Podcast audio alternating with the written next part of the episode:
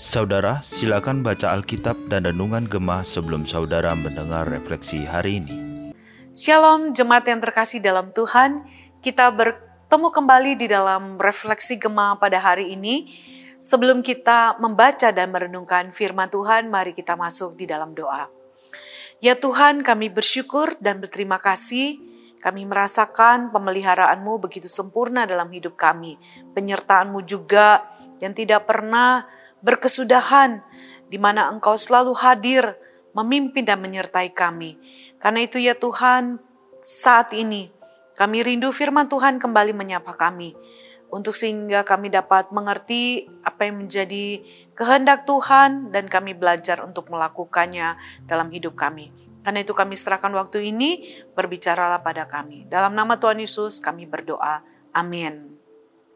Saudara refleksi gema kita pada hari ini diambil dari bilangan pasal yang ke-9, ayat yang pertama hingga yang ke-23. Tetapi saudara kita tidak akan membaca secara menyeluruh, tetapi saya terus menghimbau saudara untuk membaca secara menyeluruh bagian firman Tuhan ini. Kita hanya akan baca dari ayat yang pertama hingga yang keempat. Saya akan bacakan bagi saudara-saudara sekalian. Demikian firman Tuhan. Tuhan berfirman kepada Musa di padang gurun Sinai pada bulan yang pertama tahun yang kedua sesudah mereka keluar dari tanah Mesir. Orang Israel harus merayakan Paskah pada waktunya. Pada hari yang ke-14 bulan ini, pada waktu senja, haruslah kamu merayakannya pada waktu yang ditetapkan. Menurut segala ketetapan dan peraturannya, haruslah kamu merayakannya. Lalu Musa menyuruh orang Israel merayakan Paskah. Saudara-saudara, kita tahu bersama bahwa Paskah adalah peristiwa yang sangat penting bagi bangsa Israel, saudara.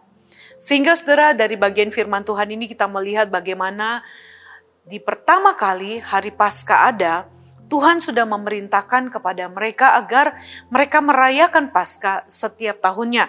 Hal ini saudara bisa lihat di dalam keluaran 12 ayat 14 dan juga ayat 47. Nah di hari Paskah itu saudara, Tuhan membawa bangsa Israel untuk keluar dari tanah perbudakan di Mesir. Kita semua tahu saudara bahwa mereka diperbudak di sana 430 tahun lamanya. Setelah 430 tahun itulah Tuhan kemudian membawa bangsa Israel untuk keluar dari Mesir. Di mana kita tahu saudara, selama mereka berada di sana, Mesir menjadi negara yang begitu makmur. Sehingga saudara, wajar sekali jika ketika Tuhan mau membawa mereka, membebaskan mereka melalui Musa, Firaun bersikeras untuk apa? Menghalang-halangi mereka untuk keluar dari tanah Mesir pada waktu itu. Namun kita menyaksikan bagaimana tangan Tuhan yang begitu kuat. Tuhan membawa bangsa Israel keluar dari Mesir.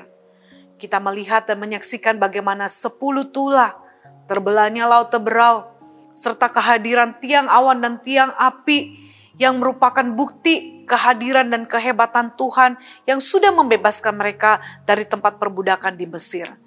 Nah, oleh sebab itu, saudara, berdasarkan hal inilah, saudara, sehingga Tuhan menghendaki agar mereka senantiasa merayakan Paskah atau Paskah menjadi satu bagian di dalam hidup mereka untuk mereka rayakan karena mengingat bagaimana Tuhan telah membebaskan mereka dari perbudakan pada waktu itu. Hal ini jelas di dalam ayat 2 tadi yang kita sudah baca.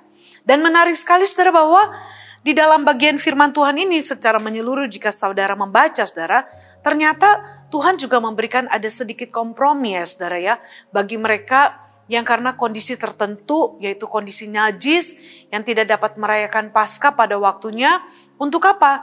untuk mereka sebenarnya tetap bisa merayakan tetapi harus mengundurkan waktu perayaan Paskah sebulan setelah itu ada di dalam ayat yang ke-11. Namun saudara kita melihat bahwa meskipun Tuhan memberikan kompromi pada waktu pada saat itu tetapi detil dari pelaksanaan ketetapan perayaan Paskah itu harus tetap mereka lakukan sesuai dengan apa yang menjadi kehendak Tuhan. Dan yang menarik sekali bahwa kita melihat saudara di dalam ayat 13 ternyata Tuhan itu menginstruksikan atau memberikan sebuah perintah untuk apa? Untuk menyelenyapkan orang-orang yang seharusnya dapat merayakan Paskah, tetapi orang-orang ini menolak untuk merayakan Paskah. Karena Tuhan menganggap bahwa orang-orang yang menolak untuk merayakan Paskah pada saat itu adalah orang-orang yang berdosa. Orang-orang yang tidak mau mengingat perbuatan Tuhan yang sudah mereka alami dan mereka terima pada waktu mereka dibebaskan dari perbudakan di Mesir. Oleh sebab itu saudara, perayaan Paskah menjadi satu perayaan yang wajib untuk dilakukan oleh orang-orang Israel pada waktu itu.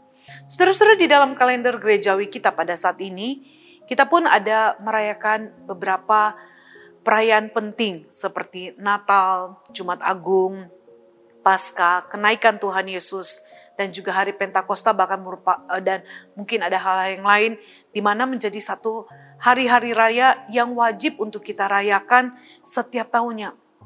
Namun saudara, merayakan hari-hari raya itu uh, akan menjadi sesuatu hal yang tidak berarti saudara. Jika kita merayakannya hanya untuk mengikuti penanggalan gereja atau karena gereja mengadakan acara-acara yang besar di dalam tanggal-tanggal perayaan tersebut saudara. Setiap perayaan-perayaan itu seharusnya kita lakukan untuk apa? Untuk mengingat akan apa yang telah Tuhan lakukan dalam kehidupan kita, bukan? Kita harus memaknainya dengan sungguh-sungguh. Karena setiap perayaan-perayaan, acara-acara wajib di dalam kalender gereja itu pasti punya kaitan yang erat dengan kehidupan kita secara pribadi sebagai pribadi yang dikasihi Tuhan. Di dalam perjalanan iman kita sebagai orang percaya, Tentunya kita juga uh, yang berkaitan dengan apa yang kita baca pasti punya pengalaman pasca di mana sebelum kita menerima Tuhan Yesus dalam kehidupan kita, kita ini adalah orang-orang yang saudara diperbudak oleh dosa. Diperbudak, dibelenggu, dan membuat kita saudara sungguh tidak berdaya dengan kehidupan kita secara pribadi. Namun di dalam kasih dan anugerah Tuhan yang begitu besar, Ketika Tuhan menyatakan dirinya kepada kita, saudara, dan kita mau percaya dan menerima Dia secara pribadi, kita menjadi pribadi yang dibebaskan dari dosa, dibebaskan dari perbudakan, belenggu dosa yang begitu mengerikan yang dapat membawa kita kepada maut. Oleh sebab itu, saudara, seharusnya ketika kita merayakan hari besar itu, di samping hari raya yang ditetapkan oleh gereja dalam hal ini hari Paskah, Natal dan sebagainya, maka kita sebagai orang-orang yang percaya, kita harus menjadi orang-orang yang sama seperti bangsa Israel yang diminta oleh Tuhan bahwa di dalam perayaan itu untuk mengingat karya Tuhan secara pribadi dalam kehidupan kita. Jangan menjadikan momen-momen itu menjadi hanya momen yang di mana kita mau menerima euforianya saja atau kesukaannya saja pestanya saja, atau sesuatu acara yang begitu luar biasa saja.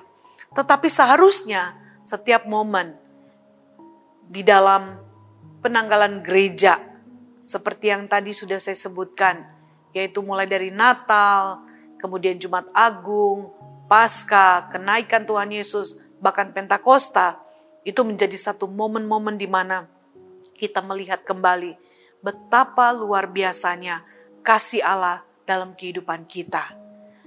Dan karena kasihnya yang begitu besar itulah sehingga ia mau mengaruniakan anaknya yang tunggal Tuhan Yesus Kristus. Supaya setiap kita ini orang-orang yang berdosa, yang mau percaya kepadanya, kita tidak binasa, tetapi kita bisa memperoleh hidup yang kekal. Oleh sebab itu mari saudara, mulai saat ini, setiap kita, ketika kita kembali merayakan acara-acara khusus itu, kita betul-betul menjadikan momen-momen khusus itu menjadi momen di mana kita kembali melihat karya Allah yang begitu besar dalam kehidupan kita. Sehingga kita menjadi pribadi-pribadi yang terus mau hidup di dalam anugerah Tuhan yang sudah dinyatakan dalam kehidupan kita.